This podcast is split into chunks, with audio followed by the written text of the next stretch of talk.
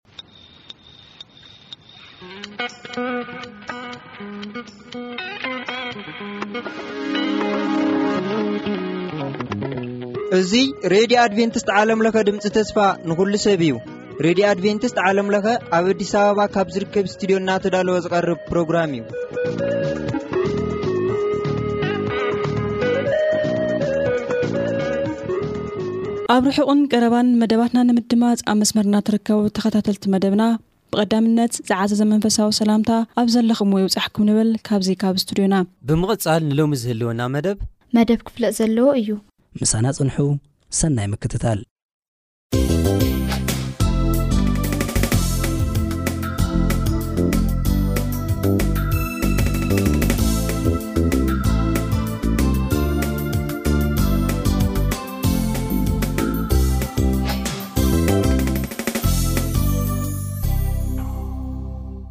ሰላም ኣምላኽ ንዓኻትኩም ይኹን ክቡራት ኣሕዋትን ኣሓትን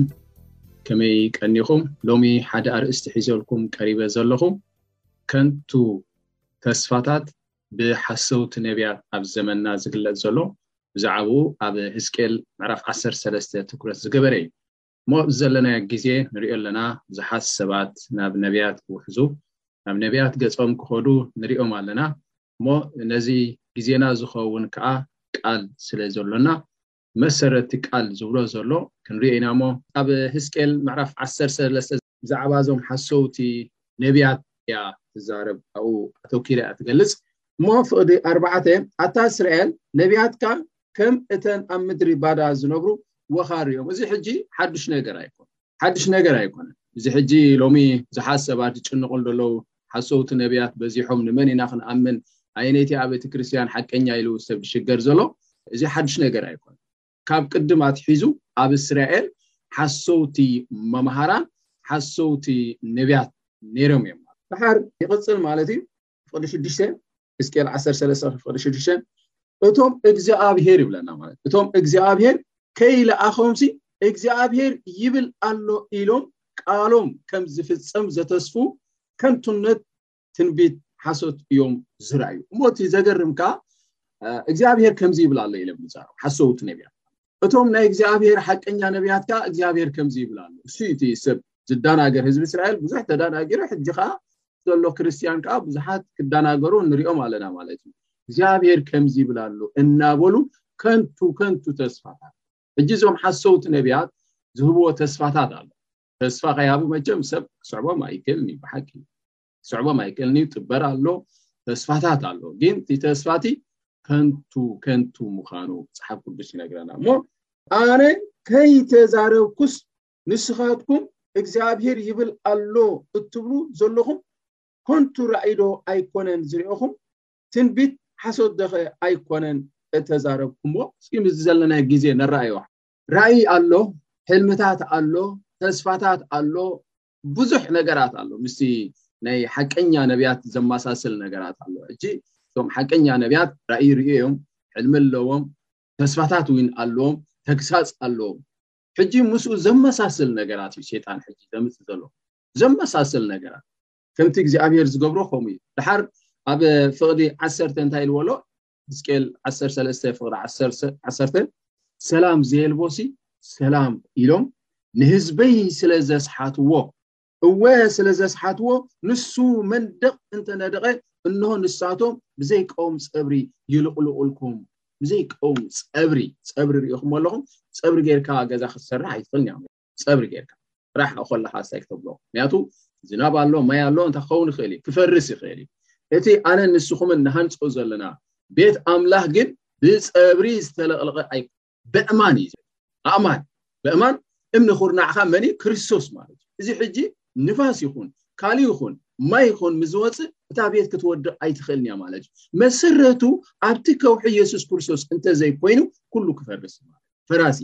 ሓንቲ ቀዋሚት ከውሒ ዘላ ናይ ክርስቶስ ጥራሕ ማለት እዩ እዚኣቶም ግና ሰላም ዘየልቦሲ ሰላም እዩ ሰላም እዩ እናበሉ ንህዝበይ ብሸለልትነት ይፍውስዎ ኣለዉ ሎሚ ኣሕዋት እንታይ ይስበኸ እንታይ ይድስበኸ ዘሎ ኣብ ቤተ ክርስትያና እንታይ ይስበኽ ዘሎ ናይ ምድራዊ ዝኾነ ተስፋታት ክትሳገር ኢኻ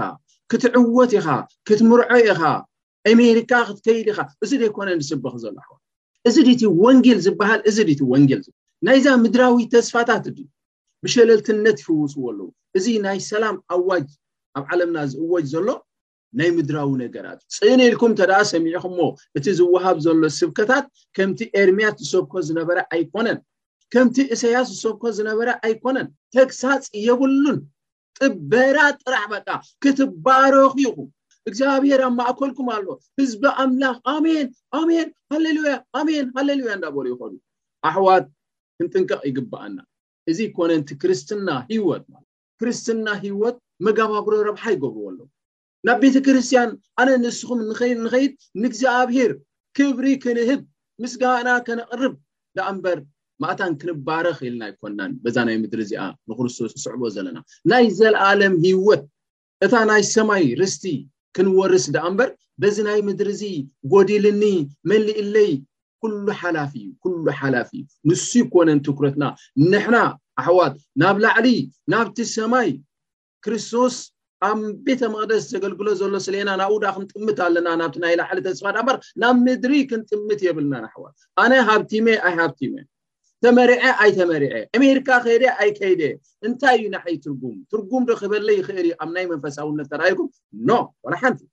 ምንም ትርጉም ክበለ ይኽእል እቲ ውሽጣዊ ሰብና ግን ይብለና ሃዋርያ ጳውሎስ እቲ ውሽጣዊ ሰብና ግን ኣብ ፀፅባሕ ክሕደሳ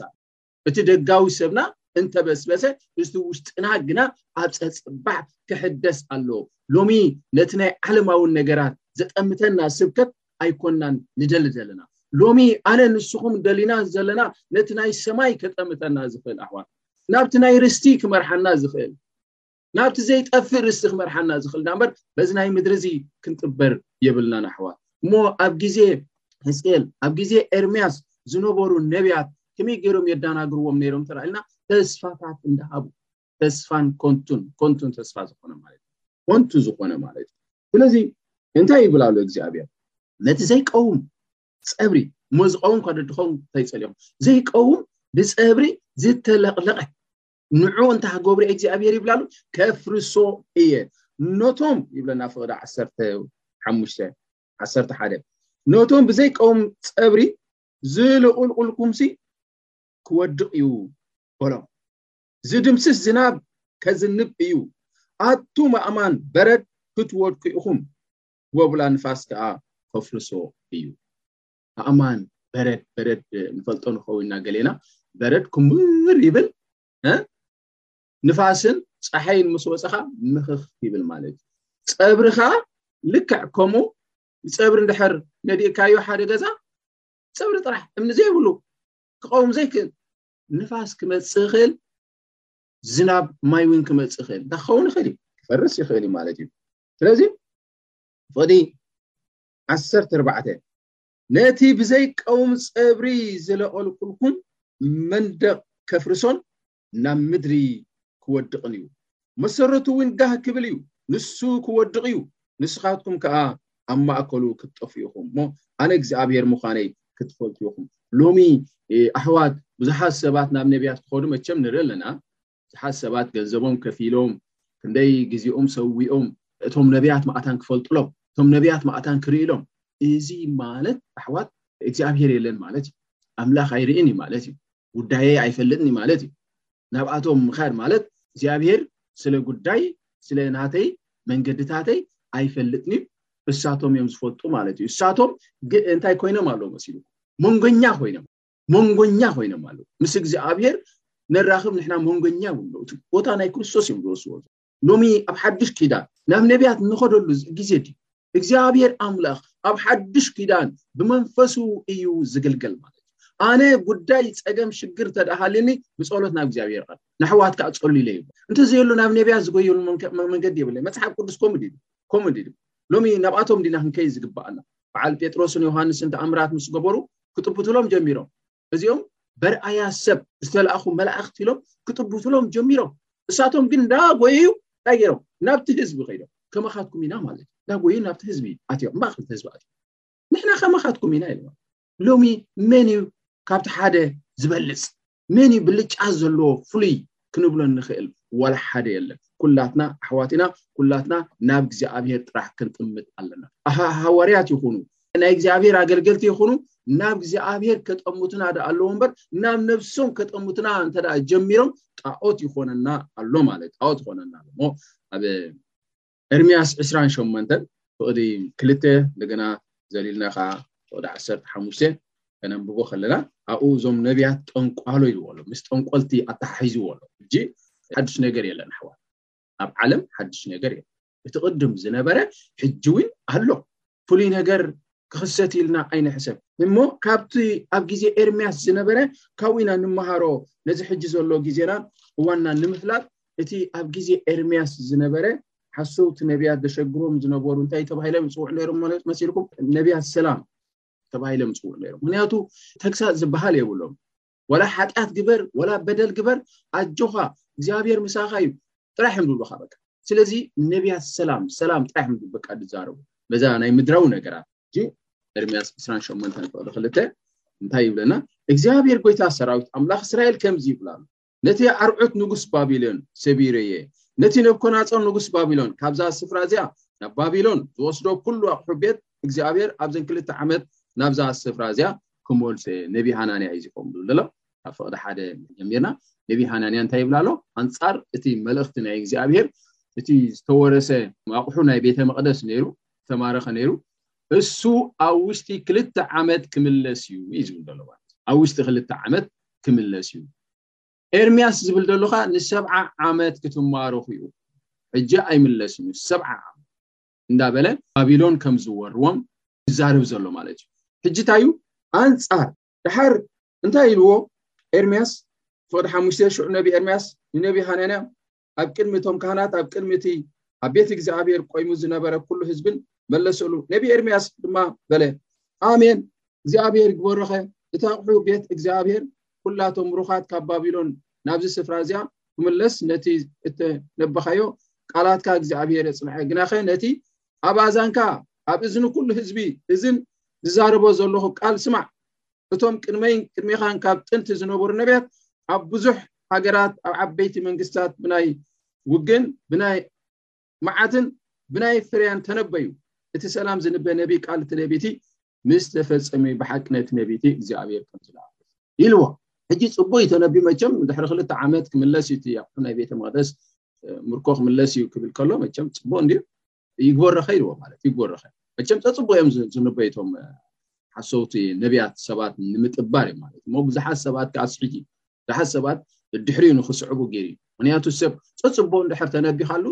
ገርመኩም ቤተክርስትያን ምልእያ ትብል ምልእያ ትብል እንተ ሓጢኣት ትገብሩ ኣለኹም ተናስሑ ትብድሉ ኣለኹም ኢሉ ሓደ ኣገልጋሊ ክግስፅ እንተ ጀሚሩ ግን ብዙሓት ሰባት ኣይሰልሞን ስለዚ ክርስትና መጋብሮ ረብሓ ይኸውን ንጠንቀቅ በጃኻ ክርስትና መገባብሮ ረብሓ ቢዝነስ ክኸውን ቢዝነስ ናይ ዓለም ሕጂ ናይ ቢዝነስ ርኢኹም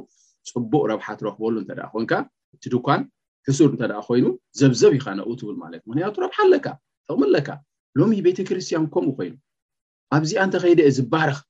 ኣብዚኣ እንተኸይደ እየ እዚ ነቢ እዚ ኢዱ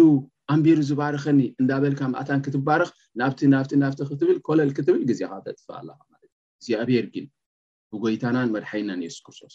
ኣብ ሰማያት ብመንፈሳዊ በረኸት ዝባርኸና ልዕሊ ዝኾነ ናይ ምድራዊ ነገረት ዓቢ ዝኾነ በረኸት ኣብ ውሽጠይን ኣብ ውሽጥኹምን ኣሎና ስለዚ ናብ ካልእ ንኸደሉ ነገር የብልናን እሞ እዚ ነቢ እዚ ገርመኩም ሓሶት እዩ ተነቢ ሓሶት ነቢ ኤርምያስ ኣርዑት ተሰኪሙ ክመፆም ከሎ ናብቲ ህዝቢ ሃናንያ ኣምፅኡ ነቲ ኣርዑት እንታይ ገይርዎ ሰይርዎ እንደገና ኣርዑት ሓፂን ገይሩ ከም ወሸ ስለዚ ካብቲ ናይ ክሳድ ናይ ኤርምያስ ወሲዱ እንታይ ገበሮ ብለና ሰባበሮ ብለና ፍቅዲ ዓሰርተ ሓሙሽተ ተገይረ ከንብበልኩም ነቢ ኤርምያስ ከዓ ንነቢ ሃናንያ ሃናንያ ስማዕ እግዚኣብሔር ኣይልኣኸካን ንስኻ ግና ነዚ ህዝቢ እዚ ኣብ ሓሶት ክውከል እዚ ግዜኻ ይምሰልኩልካ ገርመኩም እዞም ነቢያት ሓሶት ግዜኻ ይምሰልኩልካ ሕጂ ስኢልካ ነቲ ናይ በረከታት እንዳረኣኻ ትኸይድ ትኸይድ ትኸይድ እቲ ጉድለትካ ደፍልጠካ የብልካን እቲ ሓጢኣትካ ዘፍልጠካ የብልካን ኣንፈትካ ናብ እግዚኣብሄር ከጠምተካ ዝኽእል የለን ብናይ ኮንቱ ዝኾነ ሓሳባት ስኢልካ ትኸይድ ስኢልካ ትኸይድ መወዳእታ ከምኡ እዩ ዝደልኻ ሴ ከምኡ እዩ ዝደሊ ምክንያቱ ከይተናሳሕና ደጋዊ ዝኾነ ሃይማኖት ሒዝና ንስዕብ ሞ መወዳእታ ናብ ጥፋእ ንኸይድ ማለት እዩ ሕጂ ሃናንያ ኸኣ ንብዙሓት ሰባት ኣስሒቱ ኣዳናጊሩ እዞም ሕጂ ዘለዉ ነቢያት ሓሶት ከኣ ንብዙሓት ሰባት ንሚለና ዝኣክሉ ሰባት የዳናግሩ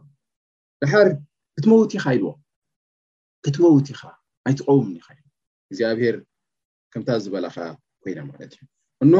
ካብ ዝባን ምድሪ ከርሕቐካ እየ ኣብ እግዚኣብሄር ዕልወት ተዛሪብካ ኢኻ እሞ ኣብዛ ዓመት እዚኣ ክትመውት ኢኻ ኢሉ ነገሮ ሽዑ ነቢ ሃናንያ በታ ዓመት እያ ኣብ ሰብዓይቲ ወርሒ ሞት ስለዚ ኤርምያስ ብሓቀኛ ነቢ ማለት ኤርምያስ ይግስፅ ነይሩ ብሓቂ ይግስፅ ነይሩ ሓጢኣቶም ይነግር ነይሩ ሎሚ ኣገልጋሊ ዝበሃል ሓጢኣትካ ዝነግር ሎሚ ኣገልጋሊ ናይ እግዚኣብሄር ዝበሃል ንኽትናሳሕ ዝዕድመካ እዩ ኣገልጋሊ ናይ እግዚኣብሄር ዝበሃል ናብ እግዚኣብሄር ዘጠምተካ ናብኡ ዘይኮነሲ ናብ እግዚኣብሔር ዘጠምተካ ሎሚ ኣብ ፑልፒት ዝስበኽ ዘሎ ክርስቶስ ዘይትርእየሉ ፑልፒት ኣሎ እንታይ ደኣ ህይወቶም ኣድቨርታይዝ ብምግባር ሰባት ንዓቶም ኣሜን ክብልዎ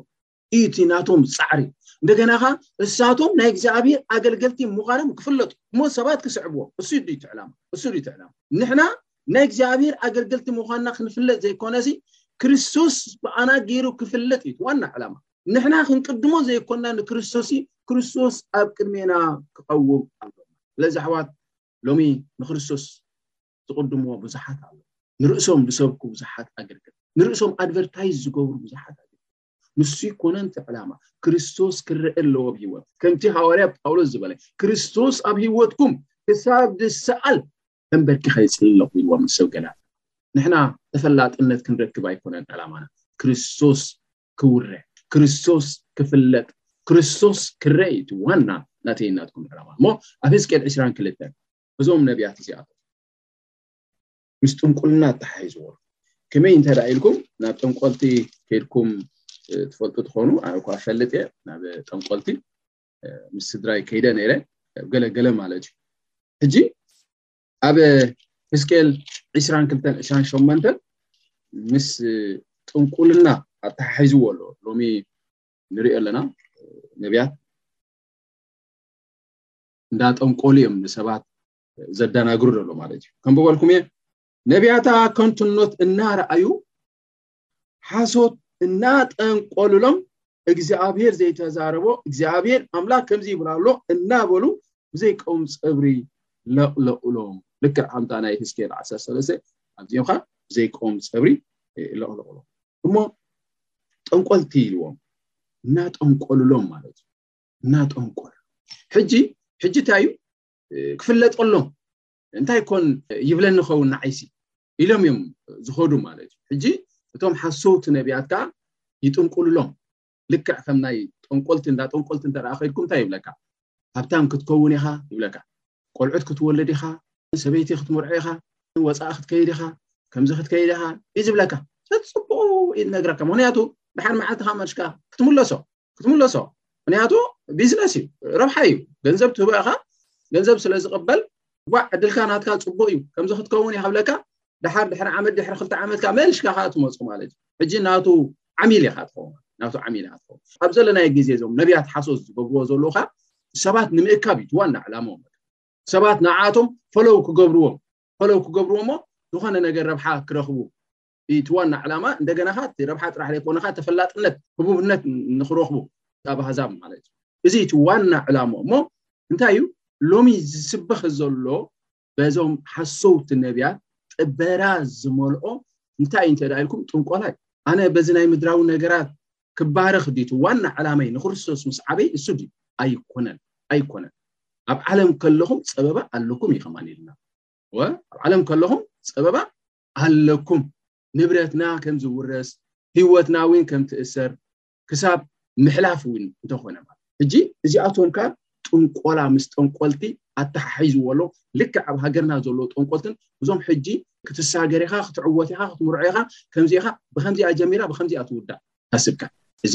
ኮንቱነት ኮንቱነት ይሓዋት ነዚ ዓይነት እዚ ከይንሰዕቦ ሓደራ እግዚኣብሔር ኣምላኽ ናብቶም ጠንቆልቲ ዝኸዱ ዝነበሩ ብእማን ዳርባ ተጨፍጪፎም ይቕተሉ ነይሮም። እግዚኣብሄር ዝፀልኦ ነገር እንተደኣ ሃልዩ ቦታ ናቱ ምውሳድ ጠንቆልቲ ስለምንታይ ይቕተሉ ነይሮም እንተደኣ ኢልኩም ቦታ ናይ እግዚኣብሄር እዮም ዝወስዱ ከምዚ ክትከውን እያ ከምዚ ክትከውን እያ ናይ ህይወተይ እንታይ እንታይ ከም ዝኸውን ማንም ማንም ማንም ኣይፈልጦን እዩ እግዚኣብሄር ጥራሕ እዩ ዝፈልጦ ማለት ንሱ ንልብን ኮላሊት እንታይ ይገብር እዩ እግዚኣብሄር ይምርምር እዩ ኣብ ኤርምያስ ዓሰርተ ሸውዓተ ኣለኩም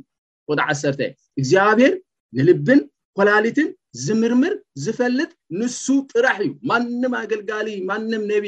ናተይ ጉዳይ ኣይፈልጥን እዩ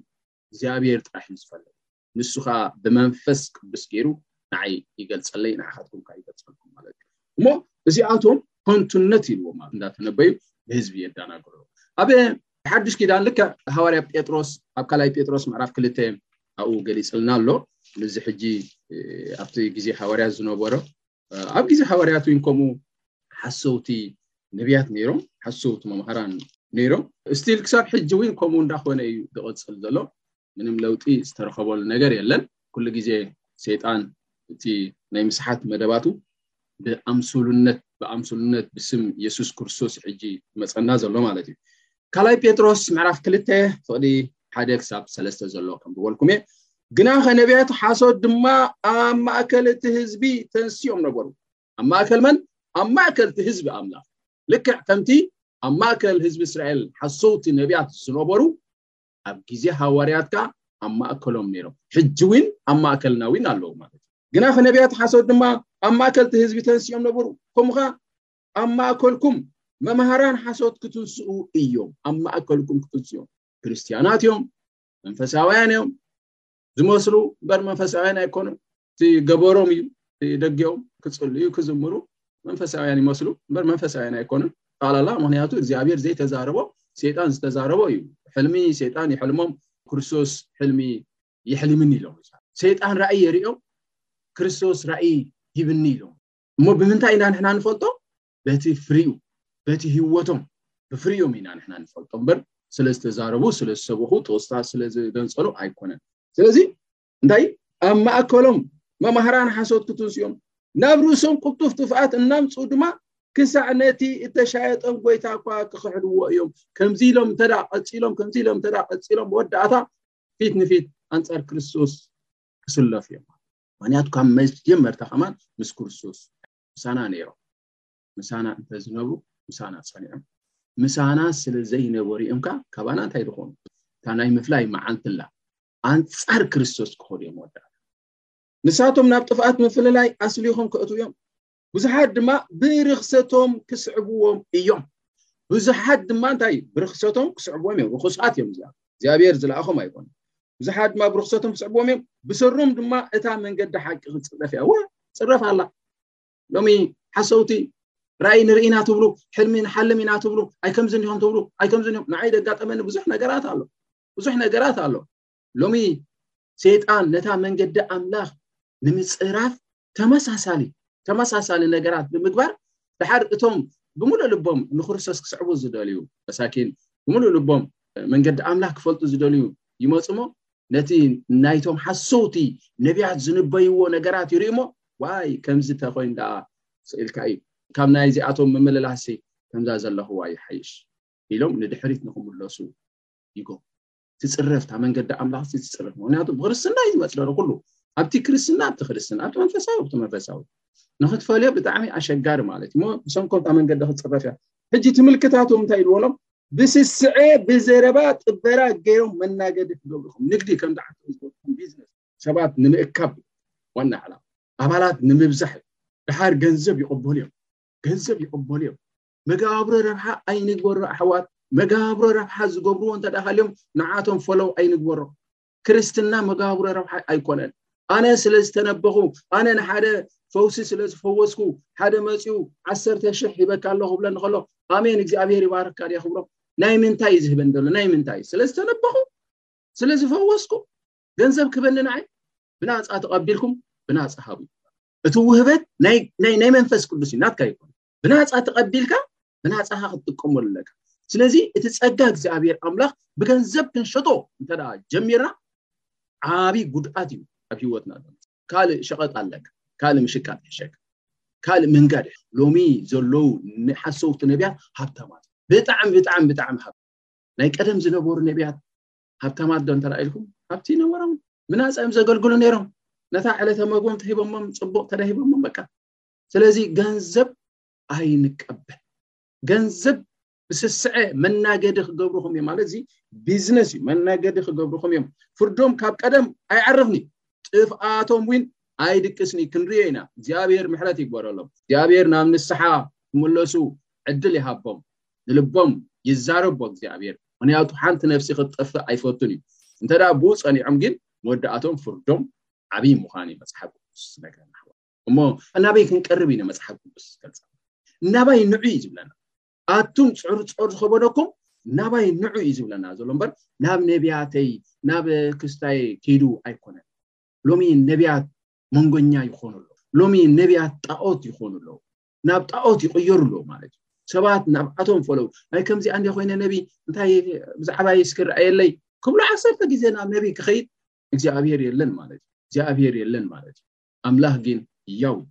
እግዚኣብሄር ይሰምዕ እዩ። እግዚኣብሄር ይርኢ እዩ። ባዕልኻ እንታይ ግበር ይብለና ቃል እግዚኣብሄር ኣሎ። ተዛረብ ምስ መን? ምስ እግዚኣብሄር። ኣብ መንጎይን ኣብ መንጎ እግዚኣብሄርን ጋግ ዝበሃል ነገር ወይ ከዓ መንጎኛ ክኣቱ ዝኽእል ወላ ሓደ የለን። እግዚኣብሄር ኣቦይ ኢለ ክፅውዖ ከለኹ ኣብ መንጎ ኣቦን ኣብ መንጎ ውሉድን ክኣቱ ዝኽእል ሰብ የለን የለን ዝኾነ ይኹን የለን። ስለዚ እቲ ኣገልጋሊ ጋይድ እዩ ዝገብረኒ በቃ ሓበሬታ እዩ ዝህበኒ። ሓቤሬታ እዩ ዝህበኒ ከመይ ጌርካ ናብ እግዚኣብሔር ክትቀርብ ከም ዘለካ እዩ ሓቤሬታ ዝህበካ ደኣ እምበር ብኣይ ጌርካ ናብ እግዚኣብሔር ቅረብ ኢሉ ኣይሰብከካን እዩ ኣይሰብካካን እዩ ኤርምያስ ኤርምያስ ምዕራፍ ሰላሳን ሰለስተን ኣብኡ እንታይ እዩ ዝብለና ባዕልኻ ተዛረብ ባዕልኻ ባዕልኻ ተዛረብ ሰብ ሞንገኛ ኣይትእቱ ከምብበልኩም እየ ፍቅድ ሰለስተ ፀዋዐኒ እሞ ክምልሰልካ ዘይትፈልጡ ዓብይን ስውር ነገርካ ክነግረካ ቀጥታ ቀጥታዊ ዝኾነ ርክብ ይሃልወና ክርስቶስ ዓርክናይ ክርስቶስ ቀረባ ዘመድናይ ማንም ማንም ኣብ መንጎናን ኣብ መንጎ ክርስቶስን ማንም ሰብ ክኣ ጉዳየይ ምስ ክርስቶስ ነገረይ ምስ ክርስቶስ ዘረባይ ምስ ክርስቶስ ይኹን ኣሕዋት ካልእ መንገዲ እንተ ደኣ ፈለው ንገብር እንተ ደኣ ኮይና መወዳእታ ጣዖት እዩ ካብ ጣዖት ወፂና እንዳበልና ጣዖት ንገብር ጣዖት ንገብር ኣለና ክረኣየለይ ክፍለጠለይ ኢልና ነድሕሪኦም ዘብዘብ ንብል እንተ ደኣ ኮይና እዚ ምንም ካብ ዓለም ዝወፃኻሉ መንገዲ የለን እግዚኣብሔር ይሰምዕ እግዚኣብሔር ይርኢ እዩ እግዚኣብሔር የስተብህል እዩ ኣሕዋት ናብኣቶም ዘብዘብ ንብለሉ ነገር የለ እሞ ቃል እግዚኣብሔር ፀዋዓኒ እሞ ክምልሰልካ ዘይትፈልጦ ዓብይን ስውር ነገርካ ክነግረካ እየ ናብ ነቢያት ግዲ ድብል ደሎ ኣይኮነን ንዓይ ብቐጥታ ፀዋዓኒ ጎይታናን መድሓይና የሱስ ክርስቶስ ጸሎት ዝመሃረና ኣሎ ኣብ ሰማይ ትነብር ኣቦና ኢልና ክንቀርብ እግዚኣብሔር ኣቦና ካብ ኮነ ንሕና ከዓ ውሉድ ኢና ማለት ኣብ መንጎ ውሉድን ኣብ መንጎ ኣቦን ክኣቱ ዝኽእል ዋላ ሓደ ሰብ የለን እሞ ኣሕዋት ተጠንቀቑ ደድሕር ነቢያት ዘብዘብ ኣይትበሉ ንዓኣቶም ኣይተደንቕዎም ንዓኣቶም ኣድቨርታይዝ ኣይትግበርዎም ንክርስቶስ ኣደንቕዎ ንክርስቶስ ኣድቨርታይዝ ግበርዎ ክርስቶስ ናይ ግሊ መድሓኒኹም እዩ ንሱ መራሒኹም እዩ ንሱ ፈላጢ ህይወትኩም እዩ ንሱ ናይ ህይወትኩም ቅልዕልዕ ኣቢሉ ክፈልጥ ዝኽእል እዩ ተዛረበኒ በልዎ ንሱ ክዛረቦ ፈውሰኒ በልዎ ንሱ ክፍውሰኩም